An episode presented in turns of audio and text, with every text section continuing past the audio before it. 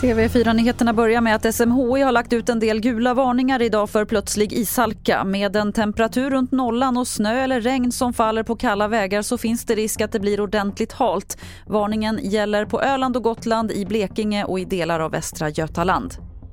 Det väntas bli mycket folk i fjällen under jul och nyår och nu växer oron för att anstormningen av tiotusentals gäster till restauranger, hotell och fjällstugor ska öka risken för smittspridning. Och flera fjällorter jobbar för fullt med att anpassa sig till de nya restriktionerna som ju börjar gälla idag. Nej, men det är ju det här med trängseln och det är ju någonting som vi måste arbeta med alla, inte bara vi i vården utan det är de som besöker oss, vi som bor här, eh, näringsidkare och restauranger måste ju tänka i de banorna att skapa avstånd mellan individer så att vi eh, försöker hålla nere smittspridningen så mycket som möjligt. Det sa Sofia Leje som är primärvårdschef i Åre. Och till sist kan vi berätta att SJ erbjuder sin personal extra betalt för att komma till rätta med den senaste tidens schemastrul och personalbrist. Det rapporterar SR.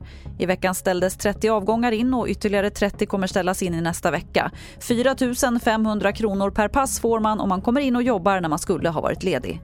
Fler nyheter hittar du på tv4.se. Jag heter Lotta Wall.